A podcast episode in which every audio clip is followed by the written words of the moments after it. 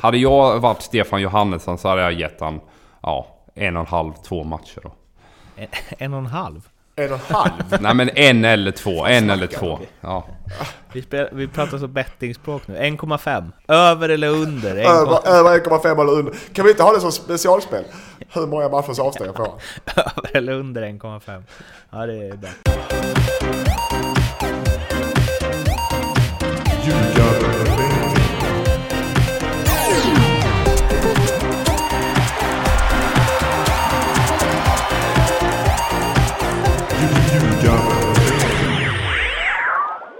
Ljugarbänken, NordicBets podcast om Allsvenskan i fotboll är här och det här är ju alltså avsnitt 99. Så då är ju nästa avsnitt nummer vadå, Mattias? Ska vi, vi vill, vara, vill inte vara som de andra, de här stora poddarna så att säga. Jag vet inte. Får vi bestämma det själv Mårten? Ja. Eller bestämmer Erik Enman, vår Alltså, diktator eh, eh, Två, liksom- 236 är nästa avsnitt. Ja, 69 vill jag ha. ja, dudung, dudung. Oktoberfest eh, är jag sugen på. Ja, och ett, det, ja, vi får se vad det Va? landar i helt enkelt. Ni kan ju skicka in tips eh, om vi bör köra avsnitt 100 efter avsnitt 99 eller hur vi ska lösa det här. Det ska ju bli något speciellt i alla fall, avsnitt 100, det är ju ingen snack om saken. Eh, hur är det i Tvååker? Är det något snack om saken där? Vi har, det är det. det, är det. Nej, vi, har, eh, vi åkte på en förlust i helgen igen. Med 4-3 borta mot eh, Kristianstad. Så vi har en tung period, det har vi definitivt. Vi eh, får väl ha några lagfester. Nej, det, vi, eh, jag ska samla trupperna där och ta, ta igenom ordentligt hur, hur vi ska lyfta oss. Är de, för att det- har ju nämligen sipprat ut en ganska stor nyhet eh, om en av personerna i den här podcasten sedan sist. Och det är ju att du inte kommer träna två åker nästa år. Va, hur har det mottagits av... Av dina poddkollegor kan jag ju berätta att det inte mottagits så jävla bra, att det kommer liksom från typ Helsingborgs Dagblad istället för från eh, den här podcasten som vi haft tillsammans nu i ett par år. Eh, Men eh, lagkamraterna då? Ja, er Eller- för det första, er bryr jag mig inte så mycket om om jag ska vara helt ärlig. Men mina spelare hoppas jag de tog det väl för att det är ju, de vet anledningen också att det, det är privata skäl. Jag har lyckats samla, skramla ihop tre barn och en fru så att eh, de är inte så nöjda att jag ligger på vägarna klockan nio från två och hem varje kväll. Ja. Eh, och det, eh, spelarna vet om det så det är inga, inga konstigheter där. Men såklart att en sån grej kan sätta sina spår sista delen av serien.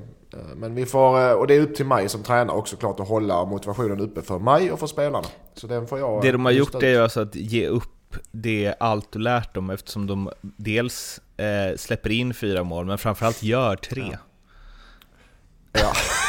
ja, det är revolution nu. Nu ska vi spela som vi själv vill. Nej, men det är... Nej, men som sagt, det, vi har en, en, en, eh, en tuff uppförsbacke nu de sista fem matcherna. Men det, det får vi lösa Mårten. Det behöver väl till livets härligheter med lite Ja, utmaningar. hur, eh, vad är, vad är, är liksom eh, best case scenario här då? Kan ni fortfarande knipa Bäst- en kval? Ja, absolut. Ja, absolut. Mm. Eh, där Eskilsminne har parkerat bussen nu. Eh, det är klart vi kan det. Eh, så, vi, så länge vi har något att spela för så kommer vi spela för det. det allt annat är ju idioti kan jag tycka. Okej, vad ska du göra nästa säsong då? Eh, jag vet inte. Eh, men jag hoppas att veta det inom snar framtid. Ja, vi ska väl spela in podd nästa år, ska vi inte det Mårten? Ja, det, det beror ju lite på dig faktiskt. Om du drar till Ja, Real Madrid kan ju det här bli svårt. Nej, det tror jag inte. Nej, det kanske skulle höja avsnitten å andra sidan. Nej, men jag, så, så, det, så, som jag har sagt och så som jag lovat familjen, jag kommer inte flytta någonstans, jag kommer inte pendla någonstans. Det är det som är...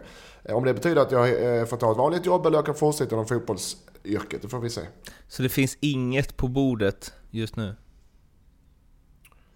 Okej, vad... Det finns det. Det finns det ja. Vad, Ja, ja, det vill, vill du berätta eller tänkte du ta det med Helsingborgs Dagblad? Ja, nej, jag tänker berätta det för... eh, Men ring Marian och eh, är Thomas, alltså de får det direkt från dig istället. För vi kan ju inte släppa några 99 klartrykten här om, om dig. Det går ju Nej, absolut inte. nej. Vi tar det när det börjar bli aktuellt.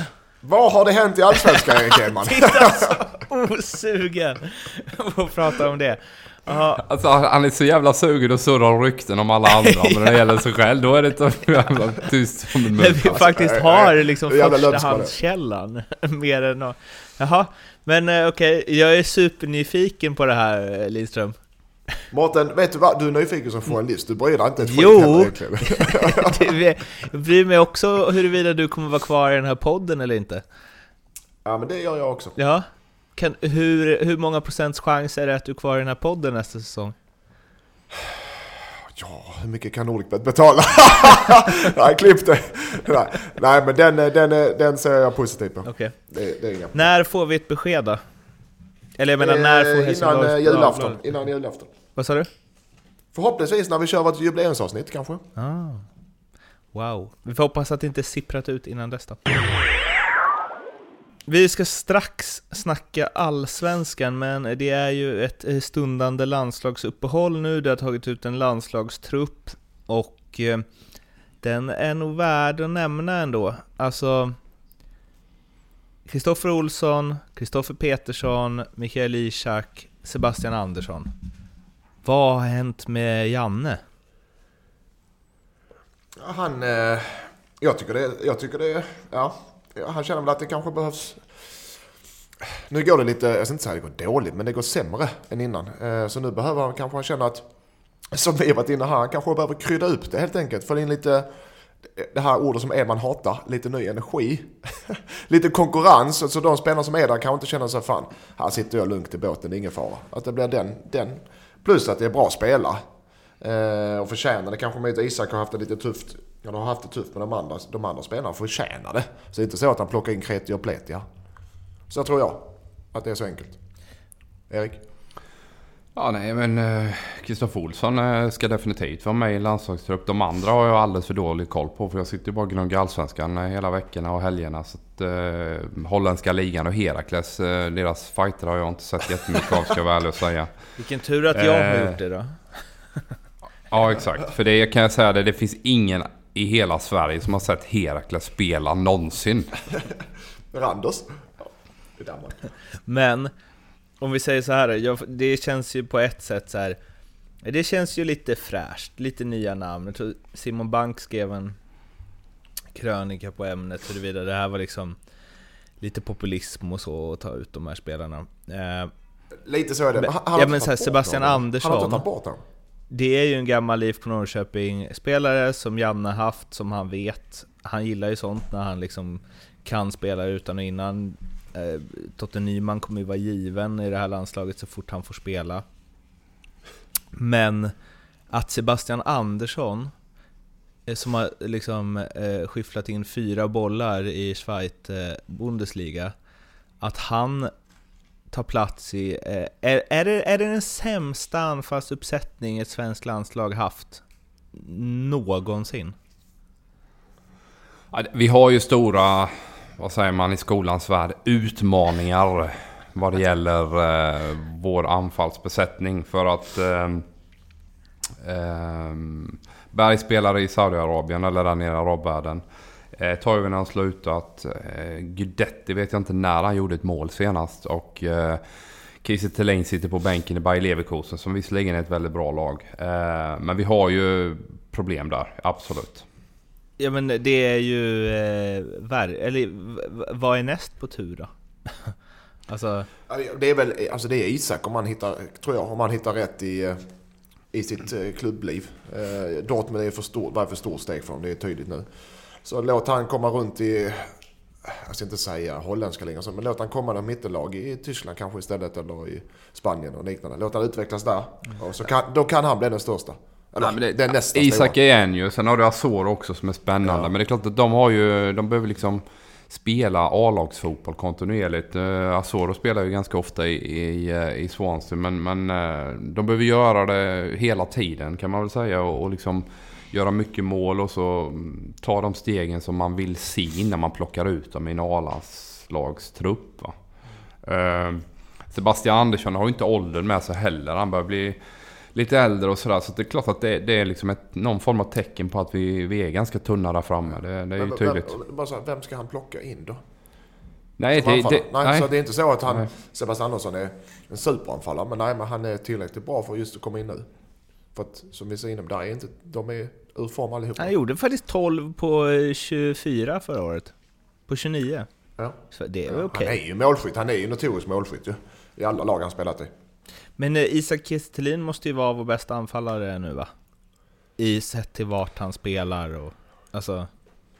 Och hur han har presterat i närtid. det här, det, det här kan jag få skit för, men jag gillar fortfarande Berg. Jag tycker Berg är en helt okej anfallare, men desto, desto mer han spelar där i arabvärlden, eh, desto sämre blir han ju eh, faktiskt. Hade, hade Eh, om, om alla, alla svenska anfallare eh, och nu vet jag, jag vet inte hur det lägger till med Goitom efter att han spelade för Eritrea där va? Då kan väl inte han spela för Sverige.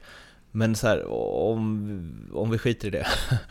Alltså, om alla hade sagt ja och alla hade haft möjlighet, hade ett svenskt, hade det bästa anfallsuppsättning vi hade kunnat ha i ett svenskt landslag just nu varit Zlatan Ibrahimovic, Marcus Rosenberg och Henok Goitom. Ja, Saman Ghoddos smäller ju in frisparkar i varenda omgång just nu nere i franska ligan som är bra. Så att, eh, han har det ju också. Eh, det snackas ju om Paulinho nu att han ska bli svensk medborgare. Där har du ju ändå ett, ett hyfsat statement på att vi inte har en anfallsuppsättning som är jättebra när man liksom tar till det kortet. En, en liksom ålderstigen brasse som är skitbra i Häcken, absolut. Men att han ska in i ett svenskt A-landslag, då, det säger ju ändå lite om var vi står just Har det nu surrats om det eller? Har det stått något om det? Nej, det har stått, men det har ju surrats lite grann här och där om att eh, han ska bli det. Och ja, men då kanske vi ska plocka med honom på en januari-turné. Men jag menar, januari-turné är ju till för att ta med spännande up and coming spelare. Va? Det är ju liksom inte eh, någon, någon, eh, någon, eh, något ålderdomshem som åker iväg och, och rekreerar sig i Saudi eller i Dubai.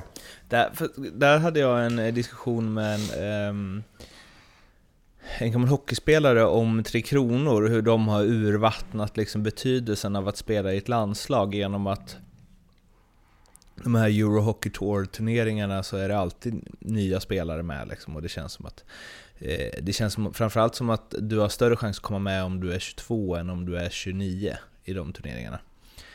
Och så är det i januariturnén är också så här att vissa spelare som plockas ut där undrar man om de ens har gjort eh, 20 allsvenska matcher. Alltså nu vet jag inte varför jag leder oss in på den här diskussionen, men jag tyckte att det fanns något i så här, att tappa värdet av att ha gjort landskamper. Att så här, på januariturnén ska de bästa vara med. Jag har gjort eh, Oavsett landskamper på januariturnén, Mårten. Vad sa du? Jag har gjort landskamper på Ja januariturnén. exakt, det är det jag menar. På den tiden är det best of the best. Nej, men det blir ju... Alltså, när, du, när du plockar ut- en landslagstrupp i januari från enbart inhemska spelare, och skandinaviska spelare. Då blir det ju på året innan de har presterat. Jo fast det blir ju de inte det, för bästa- man de väljer ju bästa- bort en de del bästa- spelare som är för gamla då. Ja, men då blir det så här, de, de gamla spelarna väljer du bort. De som är bäst året innan, de har redan försvunnit till ut, utomlands. Så det som är kvar, jag ska inte säga det är dåligt, men det är, det är spelare som är mindre bra. För de måste ändå fylla, hur många är det? 25-30 platser eller? På en sån turné. Så det, det är klart att hälften kanske håller bra kvalitet. Häl, hälften är sådana som mig som jag var med. En, en, av, en av de som har varit liksom, eh, nu var väl han ska, var Kristoffer Olsson, blev inte han skadad senast? I januariturnén? Jag har för mig att det var något sånt. I alla fall, nu är han uttagen och det är en spelare som många har tjatat om kring landslaget. Eh, och eh, hur han har dominerat i AIK och så vidare. Eh, också en spelare som Jan haft koll på sen han hade i Norrköping när Kristoffer Olsson eh, eh lämnade dem för, som till Ars, för Arsenal. Eh, och eh, han var ju hemma och tränade med Norrköping eh, eh under off-season. Eh, så Jan har ju bra koll på honom. Är det en spelare som... Eh, alltså, är det en spelare som kan bli långlivad och till och med ordinarie i en startelva i landslaget inom eh, snar framtid? Ja, det tror jag ändå. Sen är det ju där, det, det, det är ett stort steg att komma med och eh, det är klart att de första samlingarna du är med så, så blir det ju lite se och lära och sen får du liksom en, en halvlek, obekväm halvlek när du, när du ställs inför en motståndare när, när dina lagkamrater också är i liknande situationer. Så att ofta de här typen av träningslandskamper där han kommer få chansen. Och han kommer ju inte spela mot ryssarna till exempel. Men eh, så möter man Slovakien då. Då kör man väl något B, B-laget där va. Och du måste ju ta chansen liksom. Det, det är ju det. Det finns liksom ingen annan väg för honom. Visa att han gör de sakerna han gör i AIK. Jobba, ligga rätt. Eh, det är en lite annorlunda eh, roll som han kommer få i landslaget jämfört med hur han spelar i AIK. Där man då, eh, alltså han är mer central. Här kan jag tänka mig att han kommer vara en yttermittfältare. Eh, som ändå centrerar en hel del. Va? Så det är en annan, annorlunda roll. Han måste kunna fixa den. Eh, visa är en Emil Forsberg-position?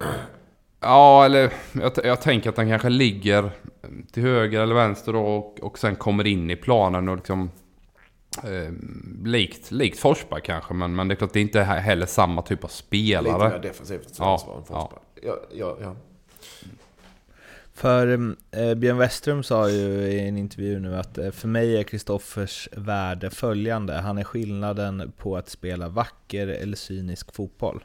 Och då är frågan om, den här, om, om det här landslaget har utrymme för en mittfältare som, alltså jag vet inte hur hans, hur hans defensiv står sig i förhållande till vad, vad Janne vill ha. Han är i och för sig inte helt olik Albin Ekdal, men eh, Albin har ju en annan fysik liksom, och rutin. Ja, nej, men det, den, jag, eh, Olsson kommer ju, han, som sagt, Erik sa, han, Janne känner honom. Han får han direktiv så kommer han göra det. Om han ska spela in i landslaget och Janne säger så här gör du, agerar du defensivt och utgår från det, som jag tror han gör så kommer han såklart göra, försöka göra det så bra han kan. Han kommer inte göra någonting som han inte blir tillsagd att göra.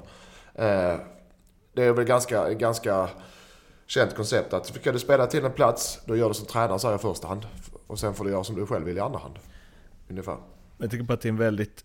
Det är en mittfältstyp som vi kanske inte haft så mycket. Nej, nej, nej. Så det ska alltså, bli intressant att se vad han får för utrymme för det liksom. Ja, ja tror... och, det, och, det, kan säkert vara en problematik i början för honom att komma in. Men så här, om man väl kan och lyckas etablera sig så blir det ju en tillgång att han står för lite andra egenskaper än de andra besitter. Mm. I eh, den här eh, vevan att han blev uttagen så var det många lagkamrater till honom som fick uttala sig i Sportbladet. Eh, var på Oskar Linnér sa att han inte blir förvånad om AIK får nästan lika mycket för Kristoffer Olsson som de fick för Alexander Isak.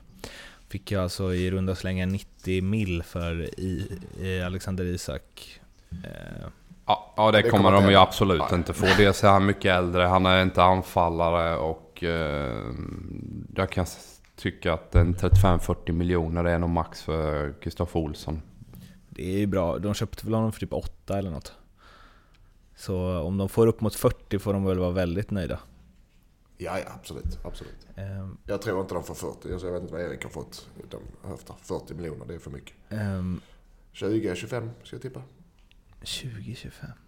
Ja, ja det, vi sitter ju bara och höftar. Ja, det kan man säga. Erik har ändå varit agent och jag är bara hobby här. Men jag tror, alltså, jag vet inte fasen alltså. Men, Nej, alla, alla de, det är också så här, alla de summorna som det snackas om vrids ju upp. För det är ju roligare att kunna skriva 50 än 35 till exempel på, på Sigurdsson. Va? Eh, det smäller ju högre. Mm. Eh, vi ska hålla oss kvar vid eh, landslag och samtidigt blanda in superettan och Premier League. Och då tänker ju ni förstås, va? Vad ska ni prata om nu? Jo, granen till United. eh, ja, den som vill ta upp den stafettpinnen får göra det. Ja, nej, det är väl klart ett fantastiskt sätt för HIF att kunna rädda upp eh, en bedrövlig ekonomi just nu. Så att, eh, kan man liksom låna ut honom eller till och med sälja honom. Eh, så hade det varit fantastiskt. Över vintern pratar vi. Ja, över vintern. Men säg då att likt, likt man gjorde med Henke där kunna kränga iväg honom på ett lån till Premier League då. Om det nu är United, det, det ja vi får väl se. Men, men säg att man kan få in en 8-10 för någon form av lånelösning där äh, från en storklubb så hade det varit helt fantastiskt för HIF såklart. Ja.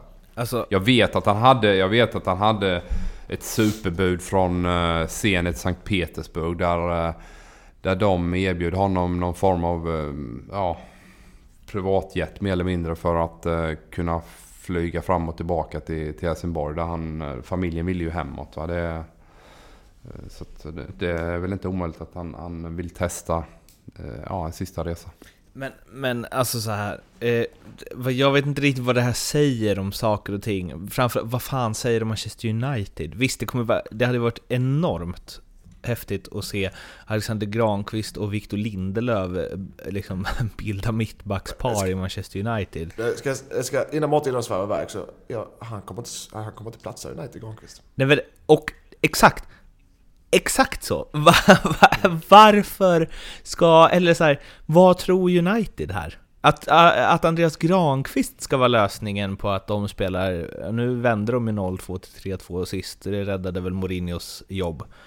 Men vad, ska han in där och styra upp det? Alltså jag, fattar ingenting. Är det dit de kollar? De har alla pengar i Ja, världen, jag- kan jag- köpa har- vilken spelare de vill.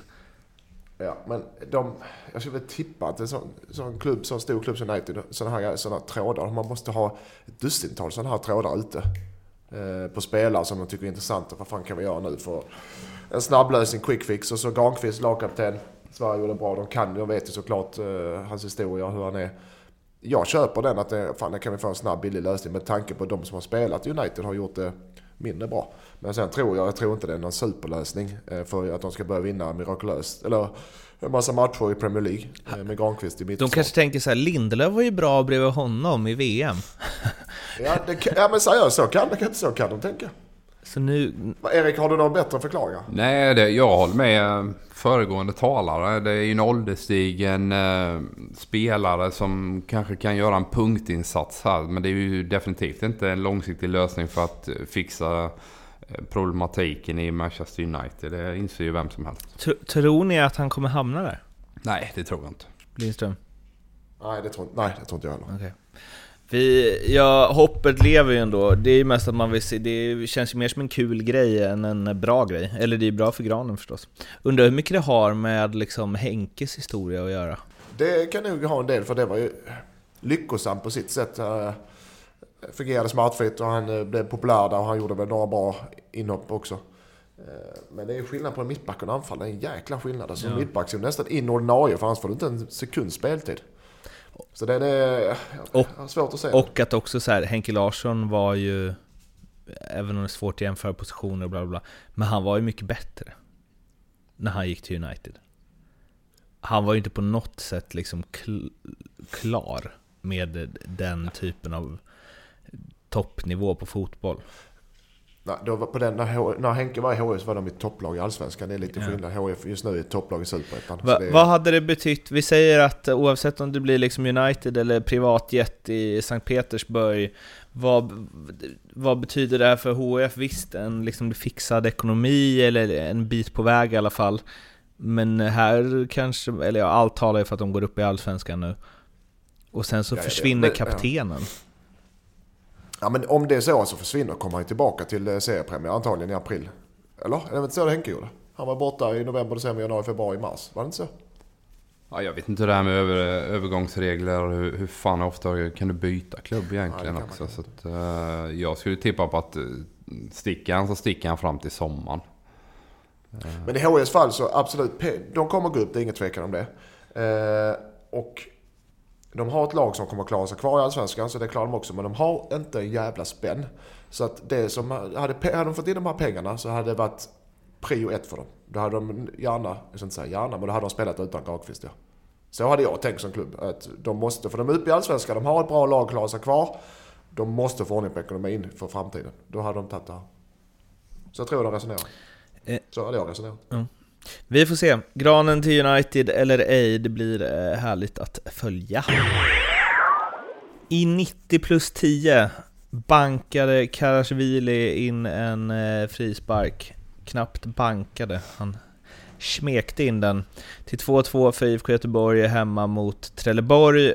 Det går ju inte att förlora mot Trelleborg, så Alexander Axén fick ju rätt eh, där.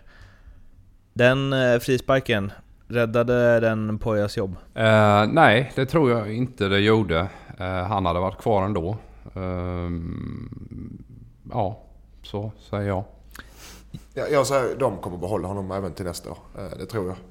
Om såklart att det inte blir ett superfiasko och de eh, åker ur. Ja. Och där har vi redan de, varit... Då kommer, det, då kommer de inte ha något val för de, då har du supportrar och fans och, och sponsorer som kommer kräva avgång. Det har vi ju redan varit inne på, men jag tror att han kommer vara en helt utmärkt tränare för IFK Göteborg i Superettan, om så skulle bli fallet. Men... Eh, var, alltså att det blev 2-2 där ens då, var ju viktigt dock. För Blåvitt. Ja, framförallt eh, poängmässigt, ja. Eh, Okej, okay, liksom en poäng är väl... Men moraliskt sett så den, var den fantastiskt viktig för dem. För att det är ändå lite, en sån veck träningsvecka nu de har med det målet ger ändå mer kraft än om de haft en förlust mot mm. usla Trelleborg. Eh, det är lite, Poja själv var ju inne på det, att så här, att han sa att det går inte riktigt att förklara vad det är som händer här. Eh, och liksom den matchen, jag vet inte... Nej men det går ju att förklara. De är ju rejält, det är precis som Borås också, eller Borås, Elfsborg. De är så jäkla långt nere i skorna nu vad det gäller självförtroende. Så att på ett sätt det blir nästan negativt att leda en fotbollsmatch. För då känner man att man har saker och ting att förlora. Och det är ju precis det som händer. Eh, Olsson där gör mål tidigt och sen så känner man fan nu får vi inte tappa detta. Och vad händer? Såklart att man tappar initiativ, man blir passiv, man ställer sig i passningsskugga. Man hoppas att någon annan ska göra det. Varenda gång målvakten har inspark så drämmer man det långt och man är livrädd att sätta igång det för ingen vill ha boll. Och det blir ju en, en, en, liksom en, en kedja av massa negativa beteenden som gör att man liksom tappar initiativet och Trelleborg kör bara på och så gör de både 1-1 och 2-1 till slut. Va? Sen ska man komma ihåg när det står 1-1 så ligger faktiskt Blåvitt på och, och försöker trycka in 2-1 och så kontrar då eh, den här Hörberg som jag tycker är jävla spännande spelare faktiskt. Född 99 i Trelleborg. Mycket bra spelare. Som, Ja, från början är det MFF och sen har han varit i Kvarnby och lite sånt där. Eh, Felix Hörberg. Mycket intressant spelare. Härligt att du drar upp en eh, sån. Får man googla lite här. Felix Hörberg ja, kämpa på. Eh, men eh, eh den, den, situationen som föranleder frisparken då. Eh, Jovanovic som ska rensa en boll och rensar Tobias Hyséns eh, huvud. Eh, ja, såklart rött förstås. Eh, men vad säger ni om situationen? Jonas Dahlqvist var ute och eh, ja, menade väl på att eh, det, att det måste varit, eller liksom att det inte var helt... Ja, han var väl inne på att det är lite meningen. Eller Nej. så är, har Jovanovic en helt sjukt dålig spelförståelse. Ja, den är inte... Ja, det kan jag... Ja, den kan jag nästan svära på att det inte är meningen. Man ser, då, då kan Dahlqvist, Dahlqvist om du lyssnar och du spelar fotboll, det är inte meningen. Det är jävligt fult gjort. Dahlqvist har aldrig spelat Nej, fotboll. Det är jäkligt fult gjort och det är såklart rött och det är tur att inte Tobbe är mer skadad och han är säkert ångerfull. Men det är definitivt inte meningen. Det ser man ju för fan hur tydligt som helst. Dahlqvist. Men, men i att så här, För det jag fattar är så, han kan ju inte sparka så. Han vet ju att Tobias Hysén kommer där. Ja, men han kom ju helt snett in i situationen och, och, och, kanske uppfattar honom sent och hoppas och tror att han ska hinna först med den. Och liksom, det blir bara helt fel. Det är absolut inte meningen. Jag menar, någonstans så inser han ju, det är inte sådär jävla smart att dra på sig en frispark precis utanför straffområdet precis nu. Så att han vill ju inte det. Så det blir bara jättefel. Såklart rött, absolut, men det är inte meningen. Avstängning då? Hur lång då? Två matcher ska jag tippa. Jag, jag, tror, jag tror att domaren, eh, vem det nu som tar beslutet, eh, kommer nog att säga att det inte var meningen. Nej men det är inte, men så här, hur vårdslöst får du spela även om det inte är meningen? Alltså jag har typ inte sett nej, det nej, där är bland det värsta jag, jag har sett. Alltså. Är det så? Nej men... Resten av säsongen? Eh, nej för fan. Två matcher tror jag han får för det.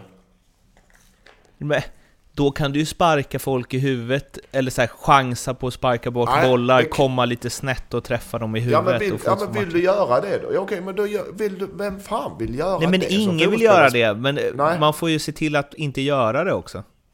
Men det är nog svårare att lyckas med en sån grej och chansa och sparka den i huvudet än att ta bollen och skjuta den i krysset kan jag säga det. Det, det, det, det han gjorde här, det är ett konstverk och inte göra det med vilja. Så att eh, så enkelt är det inte att ta, ta röda kort. Okay. Jag tror två matcher. Max tre. Max, max. Håller du med Erik? Jag tycker inte heller det ska rendera allt för lång avstängning. eh, Men då baserar jag det på att jag tycker att han, han, är, han är absolut vårdslös, men det är inte meningen. Sen hur domarna bedömer det, om, om det är mer det, vad ska man säga, utfallet än intentionen. Eh, Det är möjligt att de går på utfallet och det är klart att utfallet är kraftfullt. Han så. stämplar honom i ansiktet. Hade jag varit Stefan Johannesson så hade jag gett han ja, en och en halv, två matcher då. En, en och en halv? En och en halv. Nej men en eller två, en eller två. vi? Ja. Vi, spel, vi pratar så bettingspråk nu. 1,5. Över eller under? 1,5. Över över 1,5 eller under. Kan vi inte ha det som specialspel? Hur många matchers avstängning får han? Över eller under 1,5. Ja, det är bra. Eh, Trelleborg, var det någon form av sista halmstrå det här eller spelar det ingen roll överhuvudtaget? Det var sista halmstrået. De vi försökte, det var, eh, det var länge sedan jag såg dem försöka så ändå. Eh, nej, det är kört för dem. Det är kört. Det är kört. Det är kört, vi går vidare. Några som det inte är kört för är ju Sirius, som låg under med 2-0 mot Elfsborg, vände och vann med 4-2. De är inblandade i många vändningar i år, Sirius. Mycket mål i deras matcher. Ja, så det många händer. sådana här eh, vet, sista minuten bicykletas från mittplan i krysset Ja. och sådana. De, det är ett spexigt lag alltså, man vet aldrig Ja, vad som det. händer och rätt vad det är så gör Busch Thor comeback, comeback och ja, det är... Eh, Uppsalas Iniesta, eller vad är det han kallas? Det var du som sa va Erik? Jajamän. Jajamän, den är du stolt över. Eh, har du gett upp vinet eller? Ja, jag börjar eh, faktiskt eh, inse att eh, Arvidsson kommer få rätt här. De är, eh, de är ändå svårslagna hemma på Studenterna, så visar man igen. Sen var det ju eh, också ett, ett lag som, som man mötte som mår fruktansvärt dåligt och de leder oförtjänt med 2-0. Straffen är absolut inte straff de får och eh, sen är det ett självmål från Björkström där va? Mm. Eller vet han Björkström? Ja. Eh, men sen rasar de också ihop och jag vet inte vad de håller på med försvarsmässigt. Eh, alltså, jag hade Steve Bruce en, en period i, i Wigan. Ingen supertränare på något sätt men han sa det liksom kring, kring när vi hade släppt in något mål att just, just Smell the fucking danger. Alltså, alltså för mig är det liksom street smartness att kunna förutse faror. Här har vi ett Elfsborg som, som liksom känns som att man, man försvarar sig som i något uh, riktningslöst possessionspel. Skiter i konsekvenser och liksom plockar upp spelare och, och liksom har ingen som helst koll på vad som finns bakom sig eller runt sig. har, Och liksom, har ju med kvalitet, alltså spelförståelse, med kvalitet på spel. Ja, och det har, det har ju också med självförtroende, men jag tycker det blir för jävla mycket flyktbeteenden. Och, och liksom, jag sitter nästan och blir irriterad när jag ser den typen av försvarsspel. Och kom inte och snacka om att du ska ut i Europa och spela eh, som, som utlandsproffs om du inte fattar den här typen av saker. För att du kan vara en skön spelare och allting det där, men du måste fixa de här bitarna med, med, med att kunna förutse fara. Det, jag tycker det är bedrövligt man Fan ser. Erik, alltså. nu äntligen Och jag vill vi inte ha någon jävla rubrik här nu den här veckan Mårten. Så smäll inte upp det här nu för jag är så jävla trött på att vara med i tidningen också nu. Jag bråkar ju med alla just nu.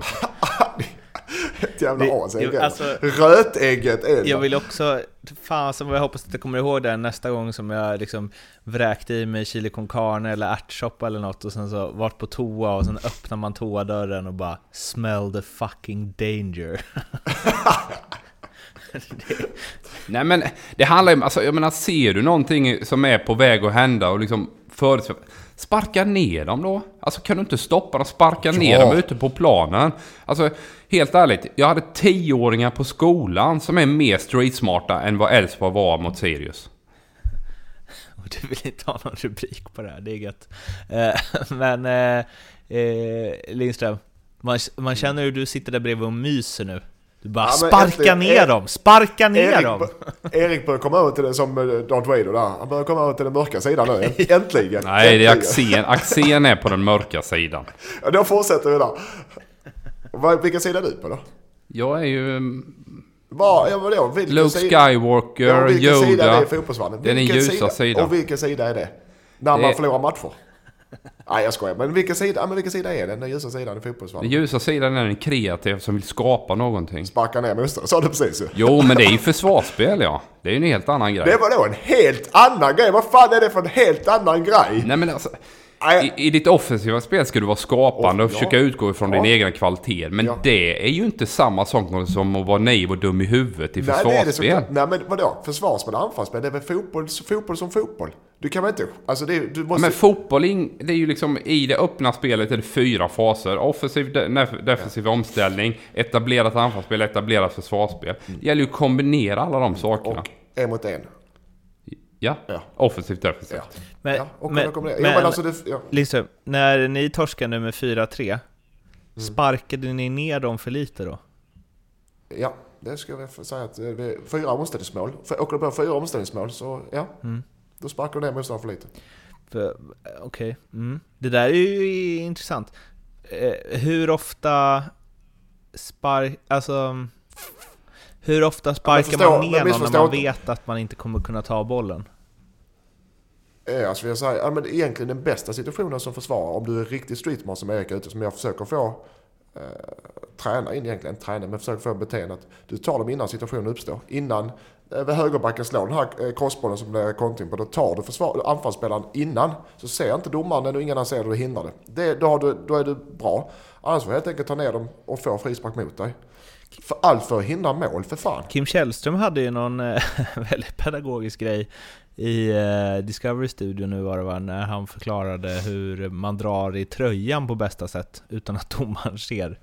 Ja. Jag såg på Twitter, det blev ett jävla liv där, för folk tyckte att man inte ska instruera kids om det. Nej, det var Det ju så- Kroneman som skrev i DN att han Ja. tyckte att det var dåligt. Ja, Många unga tittare, då ska man inte sitta och förklara hur man drar i tröjan på bästa sätt.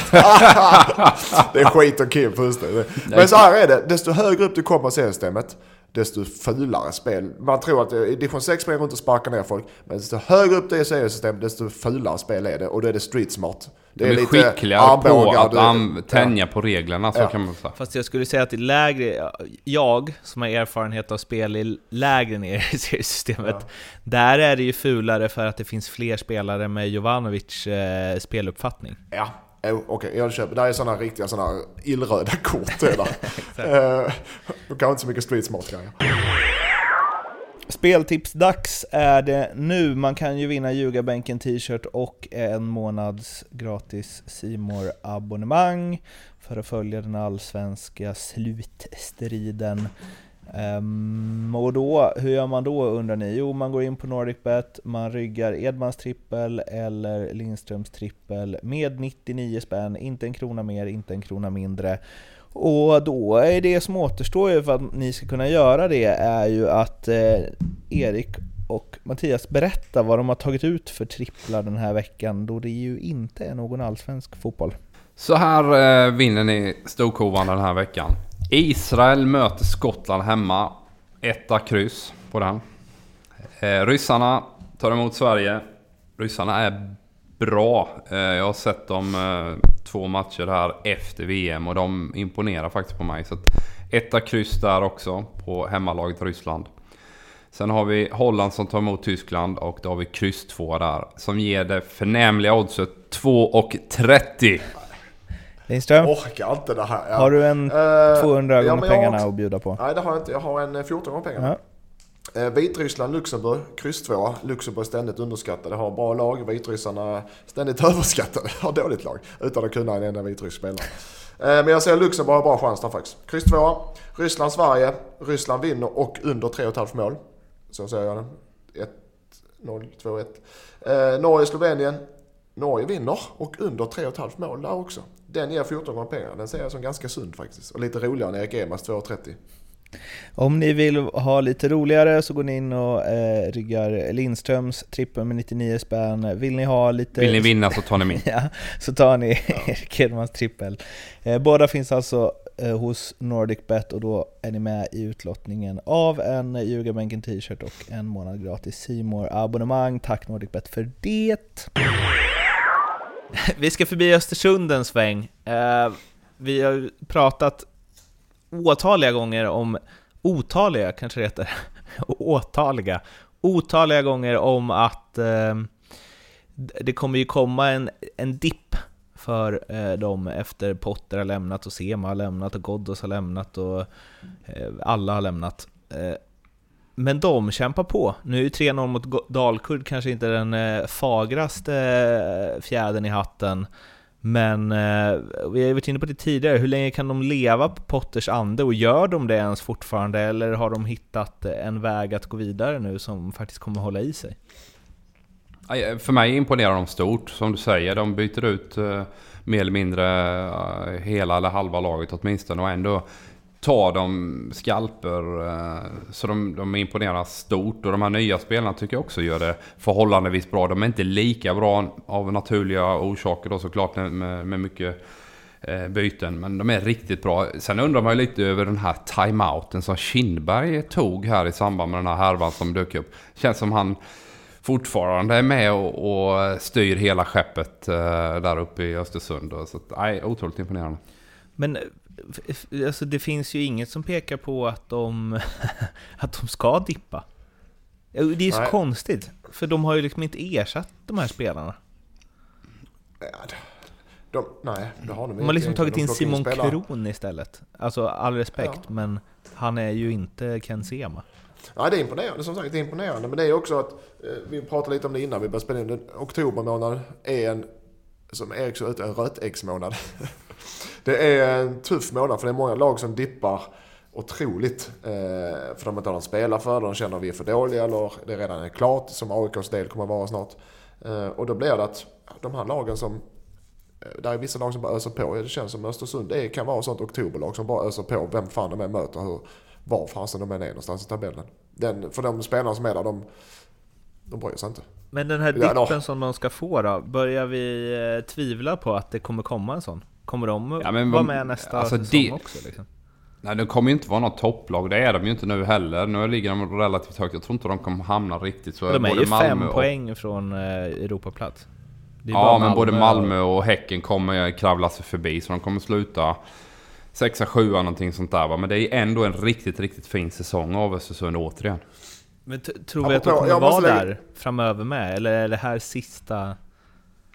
Nej, men de, de har ju, du vet det är mycket publik på matcherna. Över 5000 uppe på matcherna och det verkar vara trygg ekonomi med, ändå med tanke på eh, allt.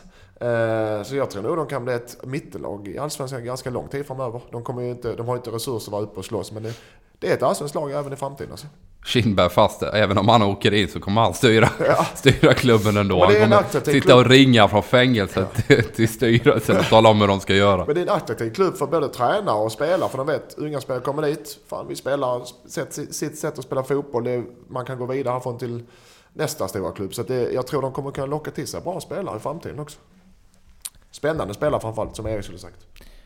Då hoppar vi vidare. Apropå, jag måste ta apropå den, eh, jag måste fylla i, ni kan klippa om ni vill, men apropå Street Smart och innan de spelar eh, så är, tycker jag Bachirou, som spelar så innan, är, är fantastisk. Det är den bästa spelaren på att vara street smart och spela hårt och tufft men ändå rättvist. Där har du en bra spelare. Det blir en perfekt övergång till Malmö FFs 1-1 ja. ja. mot Häcken.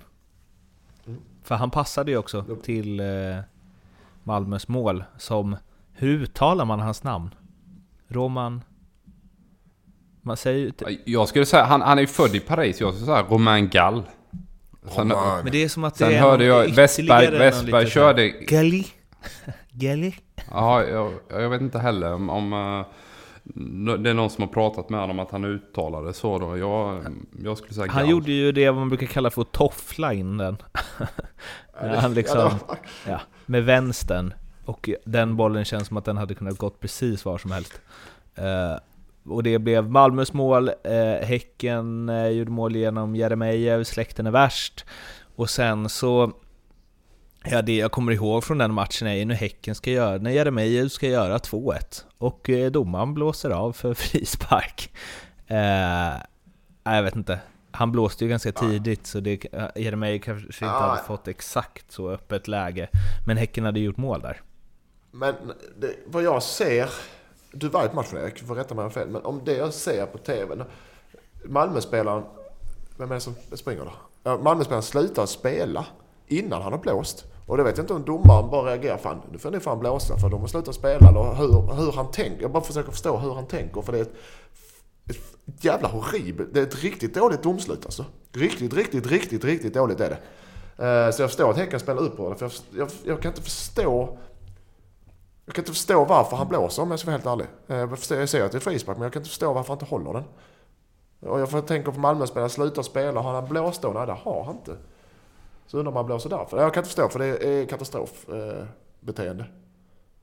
Erik? ja, så. Det fick jag ur det. Nej, men jag håller med. Det, vi satt ju och var helt förundrade där uppe också igår. Och liksom, vad, vad gör han? Eh, Liksom, Paulinho får ett kanonläge och in eh, in i straffområdet så, så är det bara att spela in den till Jeremejeff så gör han 2-1. Så det är klart att det fanns en helt enorm frustration då. Falsetas var ju inne på det i, i efterintervjun också där han är upprörd över det. Så det är klart att domaren inser att nej, men det här var ju helt galet. Ja. Eh, jag menar de fick ju ett läge som är mer eller mindre bättre än ett friläge där. Så att Hur kan man blåsa? Hur kan man ha så dålig känsla där? Ja, men det, det kan ju, alltså, jag, jag ska inte vara, för de domare gör ju fel, det vet vi. Och han, Ja, jag var, jag ska säga, det här, den här matchen tyckte jag var två riktigt bra lag. Alltså. Det finns otroligt mycket bra spelare i båda lagen. Men det var en låst match. Och det var en del situationer. Eh, jag menar, det var två straffsituationer som vi diskuterade. Och, och jag sitter och kollar två, tre repriser. Och jag, fan, jag får inte ordning på det där ändå. Jag, Eh, bland annat en, en där, där målvakten kör över Rosenberg som är solklar. Men när, när den händer där och då så, så, så kan inte jag själv ta ett beslut. Så det, det, det är fan Alltså, jättesvårt eh, som domare. Jag, det, man behöver inte, jag måste försvara lite för jag var rätt hård. Man måste inte vara, behöver inte vara en dålig domare för man missar, alltså för man släpper den här fris, eller dömer frispark. Man behöver inte vara en dålig domare. Det är ungefär som en eh, målvakt tappar in en boll eller en anfallare missar friläge från en meter och liknande. Så det händer ju. Man behöver inte vara dålig i helheten för det. Så att, eh, han gör en helt okej match annars tycker jag. Ja, utfallet av den här matchen då? MFF slarvar till det lite. Nu blir det svårt att komma ifatt. Ja, ja, ja, ja det har det varit länge men nu är det Jo, jo, men jag menar Europaplatsen. Jo. också.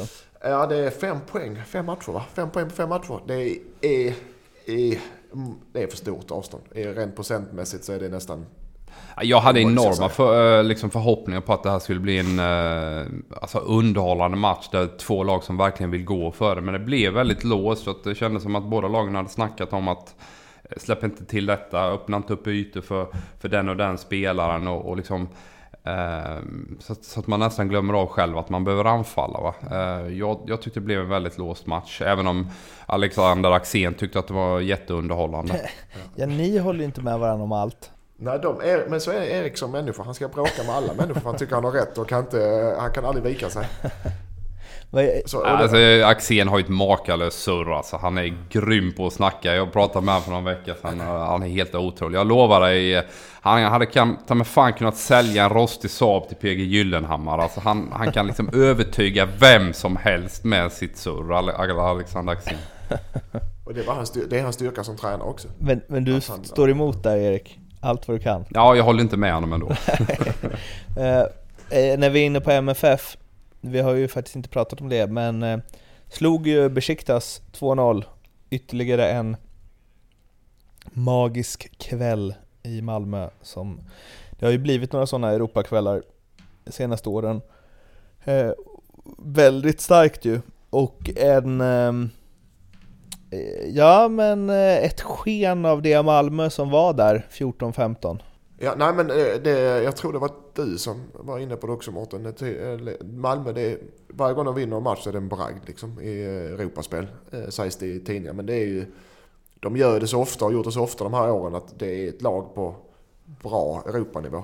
Eh, I Euroleague-nivå. Så det är inte någon tillfällighet och det är ingen bragd varje gång de vinner match Malmö Stadion mot ett bra europeiskt lag. Utan de är så bra, de är så bra när de, när de behöver vara så bra. Eh, så det är... Jag, tycker- absolut, det är jättebra och fint men det är ingen bragd för fasen för de har den nivån. Tycker jag. 2010-talet som Malmö har eh, liksom gjort det är ju helt makalöst bra. Det är 4-5 SM-guld, det är två Champions League gruppspel och så nu då ett Europa League-gruppspel där man också vinner mot ett mycket bra Besiktas ska man komma ihåg. Det är absolut inget eh, dåligt lag. Gick, åkte väl ut mot Bayern München förra året i slutspelet i Champions League. Så där, Gick de inte obesegrade genom gruppen? Ja, nej jag kommer inte ihåg exakt. Men nej, det, det är ett bra lag och det, nej, hatten av för Malmö det de gör eh, där nere och liksom lyckas lösa slutspel igen och få in sina pengar, kunna fortsätta sin satsning. Eh. Det har du, det har, förlåt jag avbryter, men det har du lite om nu som Europaspelet, eller i Allsvenskan är antagligen kört. En, man ger det en match till om Norrköping vinner och de märker att nu går det inte. Då kommer de rotera i Allsvenskan rätt friskt de sista omgångarna. För att satsa på Euroleague som jag rätt i. Uh, Ja, det var bara en parentes. det var bara en parentes. Men det där är en jävla intressant grupp också. Alltså för nu ja, vann inte Sarpsborg också. Jo. Vilket ju är helt är otroligt. Alltså har ni inte kollat upp dem? Vad är det? Det är ju som om två åker hade lirat eh, Europa League. Det är helt otroligt. Deras arena ser riktigt fan ut som Mårten, den parallellen skulle vi kanske Mårten, inte ta i våra...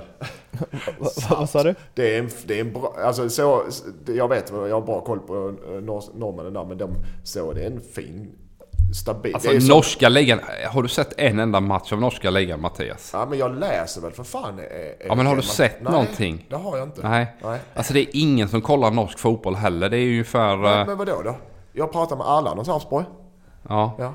Måste jag se deras matcher? Ja, för du ja. är Dan Danmarks experten här. Du kan inte claima ja, att du är Norge-expert också Mattias. Mattias har sett lika mycket norsk fotboll som jag har sett Herakles ungefär. Men har ni sett Sarpsborg Arena? Det var det som var frågan. Det är ju... Nej, det har vi inte heller. För det är ju, alltså, ni kan ju bildgoogla det och alla ni som lyssnar också. Det är fan otroligt att de spelar i Europa League. Men de kanske spelar på någon annan arena eller något i Europa League, jag vet inte. Men det är ju liksom... Ja. Det är Enskede IP är det. Och för er som inte vet vad Enskede IP är så är det... Vad, vad heter Tvååkers nu igen?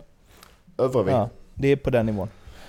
Men äh, den är godkänd, den måste vara, kan inte vara så jäkla eftersom den är godkänd i Europa. Ja, det är det som är lite konstigt att den är. Men de har väl byggt upp några extra okay. läktare eller något. Men om man bildgooglar den så tror jag inte att man känner den här är godkänd. Den ena kortsidan är typ fem rader med fem platser på varje.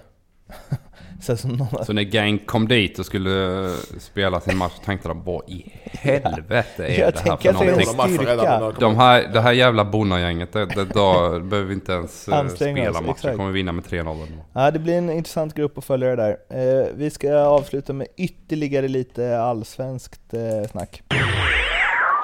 Och det är BP Bayern och anledningen att jag tycker att vi ska prata om det är för att i det första körschemat som du skickade ut Mattias så skrev du att Bayern ser stabila ut på sitt märkliga sätt. Eh, kan du utveckla det? Ja, det kan jag väl och det är väl egentligen eh, inte konstigt än att de, det, när, man, när man pratar vinster, man pratar stabil så är det de här AIK-vinsterna. Ja, vi vinner med 1-0 borta, så vinner vi med 2-0 hemma, så är det klart. I Hammarbys fall så spelar de en, en, en annan fotboll och en mer underhållande fotboll kan man säga, där det svänger mycket, det är Sirius-fotboll. De ligger under, de, de, de gör mycket mål men släpper in mycket mål. Hammarby de spelar en offensiv fotboll där det, de har spelare så de är, vad ska man säga, de behöver göra tre mål för att vinna sina matcher. Eh, det tycker jag är ett litet annorlunda sätt att vinna matcher på. Men det är det som är däremot framtiden inom fotboll tror jag mer. Att det går åt det hållet för med alla unga spelare som kommer och spelar på det sättet.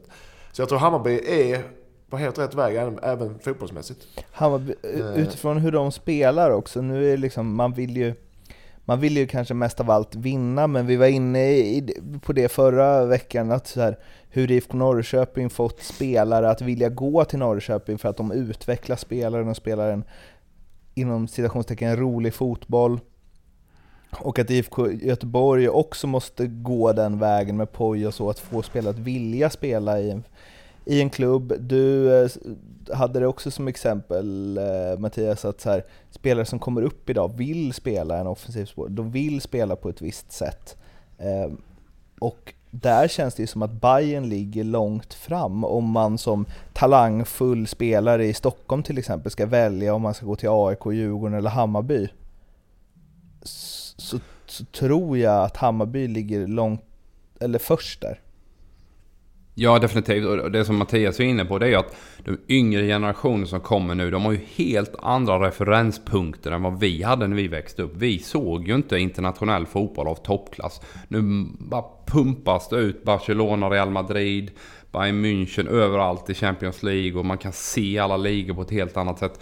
Så det är de eh, relaterar till är ju inte liksom Habo IF och division 4 som jag själv gjorde när jag var 12-13 år. Utan de ser ju liksom mm, fotbollen på den absolut högsta scenen. Och då vill de ta efter det och, och formar sitt sätt att se på fotboll där utifrån det. Och det kommer göra att Hammarby också Eh, kommer vara väldigt attraktiva att gå till. Och sen har du den andra biten med, med trycket och inramningen som finns på Tele2 som också attraherar eh, spelare att vilja liksom gå till Hammarby. Och en då som kanske kan hamna där, eller jag vet inte. Men en ung spelare som eh, tagit den här allsvenskan senaste tiden med storm är Jack Lane eh, i BP. Han har gjort tre mål, han är 16 bast. Eh, alltså, hade han spelat i Hammarby eller AIK, eller Djurgården nu, hade det varit lite annat ljud i skällan än vad det är eh, ljud i källan än vad det är nu. Ja, nej men då blir det ju en sån där Isak-grej va. För att det är ju också så här, ska man komma ihåg, att det är en helt annan grej att spela i BP. Dels är de sämre, det, det är ju... Du ska ta plats i de andra. Ja, det fattar ju alla. Men, men också just det att Alexander Isak när han kom fram, han hanterar ju den pressen som finns eh, i AIK och liksom löste det. Och det gör att du får otroligt mycket mer betalt också. Jack Lahn är jättespännande. Eh, men han mår nog bäst av att, att spela Superettan nästa år med BP. Um, ehm, ja, återstår att se om han eh, gör det då. För det har redan börjat ryktats om andra Stockholmsklubbar. Men om, om, eller, men om de andra Stockholmsklubbarna tar honom så är det först för att knyta honom till sig. Han kommer inte ta en ordinarie plats i de här lagen nästa år. Då blir det en truppspelare. Och det är det, det köper, jag köper de andra större klubbarna att de vill knyta honom så mycket de kan för, för framtiden. Men för hans egen skull så är det för tidigt. Ja. Han hade i och för sig gått in i Djurgården på två anfallare, tror jag. Som, om inte de värvar något annat. Ja, Hammarby, BP, Jack Lane och så vidare fick avsluta den här veckans ljugarbänken. Vad som händer i avsnitt 100 har vi ännu ingen aning om. Kom gärna med tips på Twitter vad ni vill ha i det. Vi finns på Facebook också, vi finns på Instagram också. Följ oss överallt så blir vi glada. Prenumerera på iTunes, Acast, så missar ni ju inte heller det här hundrade avsnittet. Vi hörs igen om en vecka. Tills dess, heja Sverige och ha det bra. Hej då! Hej då! Hej då! Engagemanget i eh, hejdået, grabbar. Ni måste steppa upp där.